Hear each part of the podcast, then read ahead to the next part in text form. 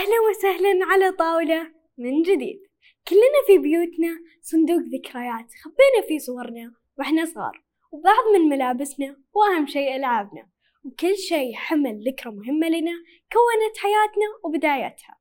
تخيلوا أن هذا الصندوق لو كان أكبر وبدل ما تحفظ فيه صور أجيال تحفظ فيه صور حضارات. ومكان الملابس والألعاب أدوات وتحف بأعمار تتجاوز مئات السنين. صندوق يحرس بحراسة أمنية مشددة لما يحتويه من قطع ثمينة نقدر نقول أن صندوق الذكريات الكبير هذا هو المتحف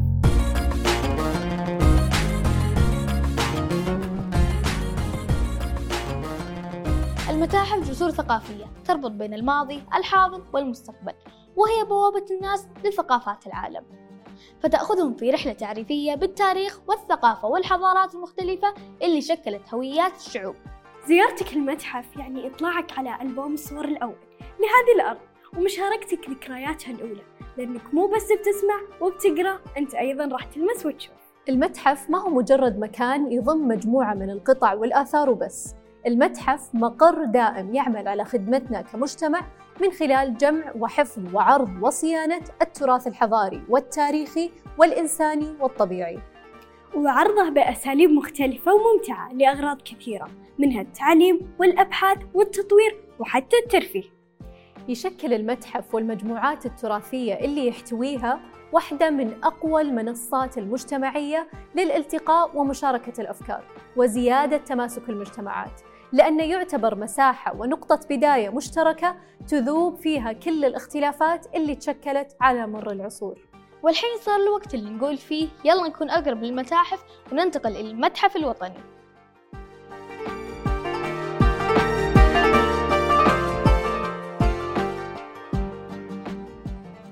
إحنا الحين في المتحف الوطني السعودي.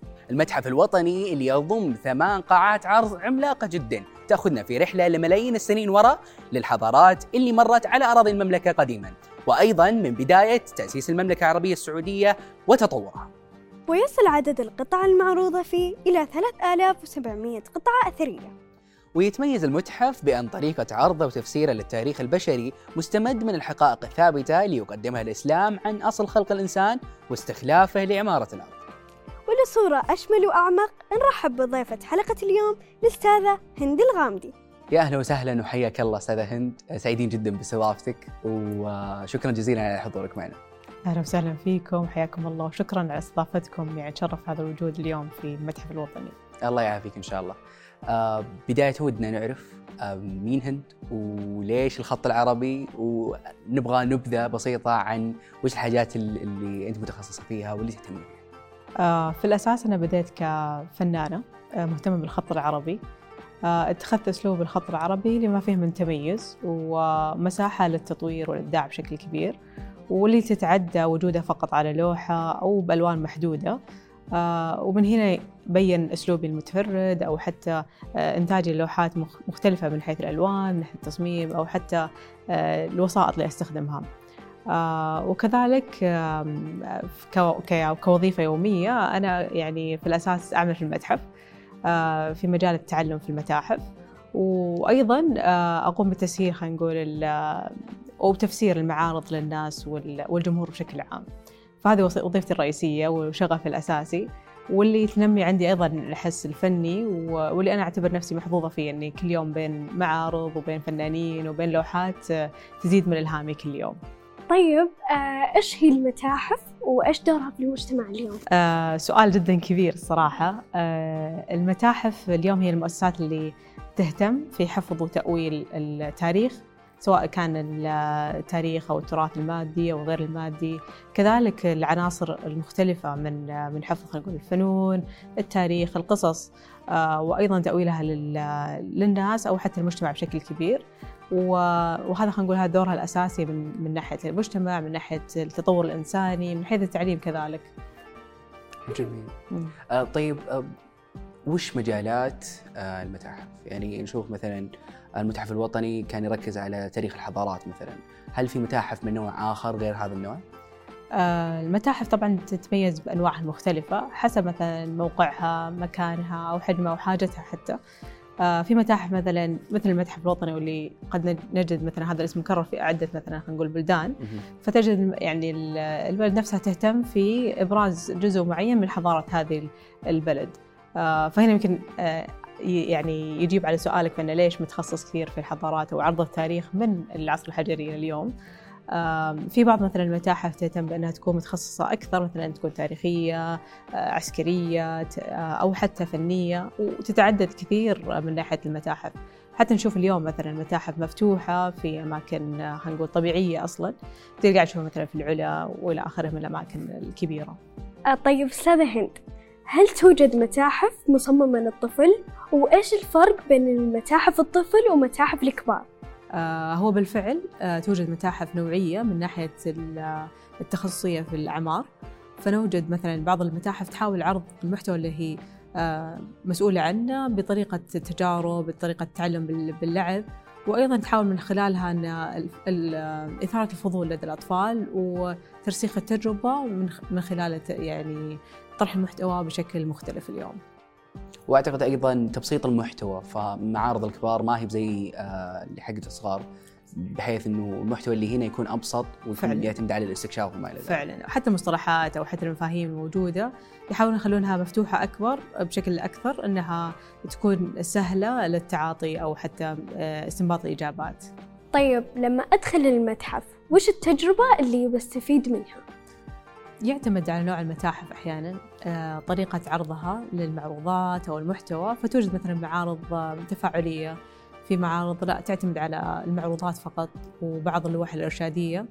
وأيضا في بعض المتاحف تحرص على وجود مثلا المرشدين أو العاملين فيها يكون عندهم مساحة لعرض التجارب بشكل مختلف آه، فيه أخذ وعطاء مع الجمهور بشكل مباشر. فهو مو فقط يعتمد على التجربة المتحفية بشكل آه، كبير لكن آه، يفضل غالبا إن الواحد ياخذ راحته في المتحف يسأل آه، يطلع ياخذ وقته ويقرا وي- ويتامل نعم فعلا. أو أعتقد آه، حاجات قاعدة تصير مميزة حاليا مع دور وزارة الثقافة اللي هي الفعاليات المصاحبه للمتاحف. فزي ما نشوف الحين في المتحف الوطني عندنا فعالية اللي هي طريق ال- السنة النبوية أو طريق النبي.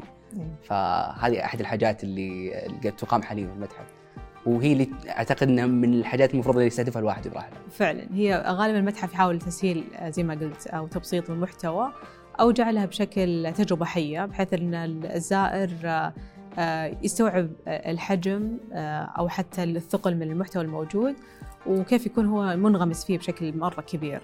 فهنا يجي جهد المتحف في حا- محاولة التواصل مع الجمهور بشكل أكبر و- وطرحها بطريقة مناسبة لمعيشتنا اليوم. فأني بس أجي أتجول في المتحف اليوم ما هو شيء مناسب كثير ويمكن مو كثير ناس تحب تقرأ وتطلع بهدوء. آه، ودها أنها تدخل تخوض تجربة تتكلم مع شخص ثاني فيعتمد على طريقة حتى تلقي الجمهور بشكل كبير. جميل. طيب زرنا المتحف. إيه. آه، قربنا أكثر من التراث والتاريخ والفن. ودنا نعرف كيف أنا أدخل هذا المجال أساسا. صحيح. آه، هو المجال مجال المتاحف مفتوح طبعا للجميع. سواء كنت أنت هاوي سواء أنت كنت فقط مهتم أو شغوف حتى ب آه، زي ما قلنا يعني أنواع أنواع المتاحف مختلفة. فحسب اهتمامك أنت القى الا ما تلقى شيء آه، يناسبك في أحد عناصر المتحف. واليوم خلينا نشوف بعد آه، جهود آه، سواء وزارة التعليم أو وزارة الثقافة في طرح أصلا تخصصات آه، في الجامعات للطلاب إن هم يكونون جزء من المحترفين في قطاع المتاحف. وهذا ما يمنع أيضا إن وجود ناس فقط شغوفة أو حتى مطلعة و- ولها يمكن تفردها في تعليمها أو تعلم بشكل ذاتي أو حتى مثلا ناس بس متعلقة مثلا بالتاريخ بالفن فتجدهم مثلا موجودين في بعض أقسام المتاحف آه، بأدوار متعددة. لما أدخل المتحف أشوف القطع الأثرية بس كذا في سؤال في بالي إنه كيف يوجدون هذه القطع الأثرية؟ حلو حلو سؤالك آه فعلا آه يمكن كثير من المتاحف آه تحاول إنها تستعرض الإرث الموجود آه سواء من مجموعتها أو حتى من التاريخ الموجود في المنطقة اللي تنتمي لها. زي ما نشوف اليوم جهود المتحف الوطني في ذلك. وهي زي ما قلنا يمكن في البداية إنه المتحف أصلا دوره الأساسي هو العناية بمثل آه هذا التاريخ سواء كان المادي أو غير المادي. آه، فنجدها مثلا معروضة من ضمن المعروضات. آه، وهي في الأساس غالبا تكون وجدت من خلال مثلا منقبي الآثار وجدت مثلا يعني تورثت من من مؤسسات أو حتى من أشخاص معنيين مثلا بالتوثيق ويعني وضع التواريخ المعينة لكل معروضة نشوفها اليوم فهي جهود إما فردية أو مؤسسة آه، تكون تعنى بهذا الشيء واللي غالبا تكون ضمن آه، مهام المتحف نفسه بالأساس. وش هي القطعه الأثرية؟ يعني هل قطعة كانت موجودة أمس أقدر أقول عنها أثرية ولا هي لابد أنها تكون في حقب زمنية قديمة أو حديثة فخذينا في هالموضوع. آه، زي ما حكينا يمكن قبل شوي إن بعض القطع توجد من آلاف السنين. تنتمي مثلا لحضارة زي ما قلت أو تحفظ تاريخ مثلا حدث معين الناس سمعت فيه وكان جدا ضخم. آه، أو حتى آه، تنتمي مثلا ل خلينا نقول مجموعة آه، بشرية معينة قامت بشيء معين. فأحيانا تجد مثلا في بعض المتاحف بعض مثلا الأواني بعض الحلي هذه الأشياء. فيختلف نوع حتى القطع أحيانا ما تلقاها بس مجرد حجرية مجرد أنها مثلا معدنية يختلف كل مرة نوع هذه القطع ولكنها في الغالب هي قاعد تحفظ تاريخ معين أو حدث معين آه، زمني وتم آه، يعني زي ما تقول إني آه، أشير لهذا الحدث من خلال إنه والله أنا أوجد آثار هؤلاء الناس وهذه الحضارة في في هذه القطعة. جميل، طب ليش ما أخلي القطعة في مكانها؟ ليش أجيبها في متحف؟ في قطع ما ما نقدر نشيلها من مكانها. زي مثلا اللي على الجبال اوريدي مثلا موجودة أو محفورة عليها. صحيح صعب عليه أي هذه هذه تبقى في مكانها وهذه اللي يسمونها اليوم المتاحف الحية أو المتاحف المفتوحة. وتلاقي الناس يروحون يتعنون عشان يشوفونها في موقعها الخاص. وهذه يمكن أحد التجارب بعد اللي اليوم صارت متاحة للجميع أنها المكان الفلاني هو موثق وهو تحت هذا الاسم ويعود لهذه الحضارة. وإذا تبي تزوره تقدر تتوجه لهذا المكان المعين آه لكن في بعض القطع تكون آه تكمل لي قصة مثلا معينة آه تكمل لي مجموعة آه ومثلا المتحف نفسه يحاول إنه يحكي هذا القطع آه، يعني هذا التاريخ أو هذه القصة. زي ما قاعد نشوف اليوم في مثلا بعض القاعات تكون تحت مسمى معين آه حتى ترتيبها لو تلاحظ مثلا أحيانا في المتحف في بعض المتاحف تعتمد أنها التسلسل الزمني أو القصة أو تحاول تحط مثلا كل آه، قطع أثرية تنتمي لحضارة معينة في جهة مثلا معينة واحدة. فهنا هذا يجي دور المتحف؟ لأنه هو يبي يحكي لك هذه القصة فأفضل طريقة إنه على الأقل يرتبها في هذا السياق.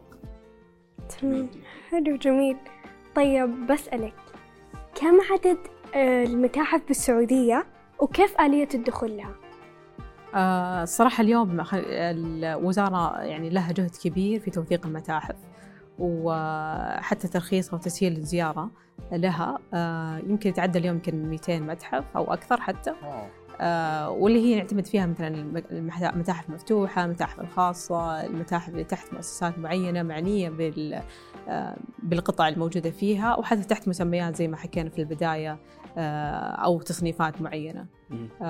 واليوم يمكن يزدهر هذا القطاع أصلا بشكل كبير وزاد آه، الوعي أصلا آه، من حيث المسميات المحتوى وأيضا أنه والله هذا الشيء إلا هو كيان هو متحف طيب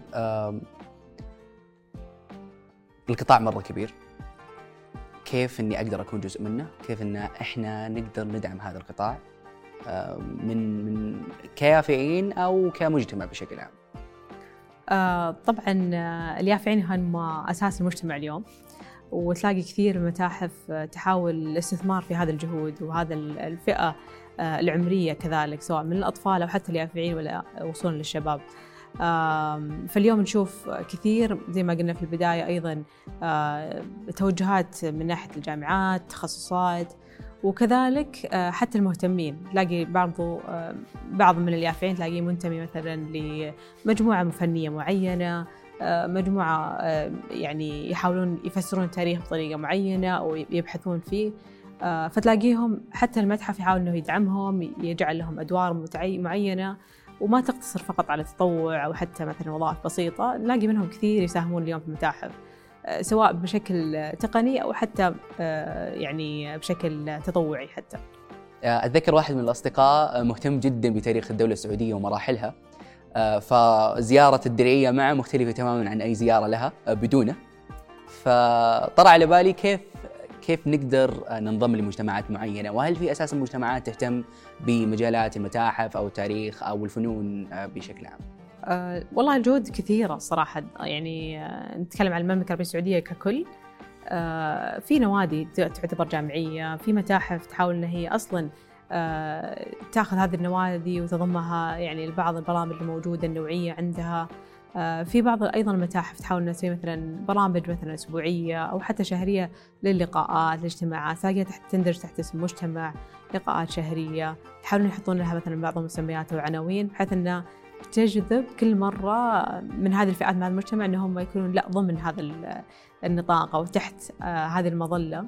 فيحسون أنهم لا أنتم مسموعين واللي أنت قاعد تقولونه كمان يعنينا. فأتخيل في جهود كثيرة. آه بس مهمة الواحد يمكن يبحث ويسأل من حوله. وأكيد زي زي ما أنت صاحبك مهتم بالتاريخ السعودي كلنا عندنا أصحاب أكيد مهتمين في أشياء كثيرة. فالحوارات هذه هي اللي يمكن نلتقي فيها أيضا مع أصحاب مع ناس حتى أول مرة نلتقي فيهم. فمجرد إني اساله إيش اهتمامك، إيش تحب، إيش تسوي في وقت فراغك، بيبين لي يمكن أو يدخلني في مثل هذه المجتمعات حتى. الله يعطيك العافية وشكرا جزيلا على اللقاء المثري والحوار الأكثر من رائع. آه ممتنين جدا الصراحة لوجودك معنا وممتنين جدا للمعلومات اللي اعطيتنا إياها. اعطيتيني معلومات والله عجيبة حرفيا يعني أنا أول مرة أعرفها. وأنا أكثر، الله يرفع قدركم وشاكرين لكم استضافتكم ونتمنى أن اثريناكم بالمعلومات اللي حكيناها. الله يعطيك العافية شكرا جزيلا لك أستاذ شكرا.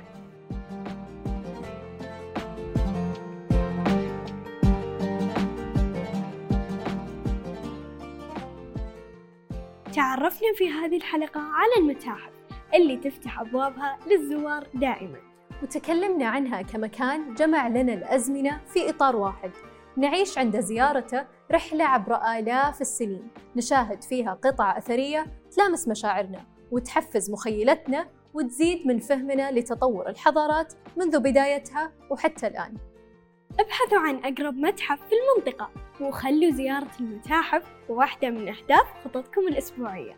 ولا تروحون بعيد لأن على هذه الطاولة دائما لكم مكان.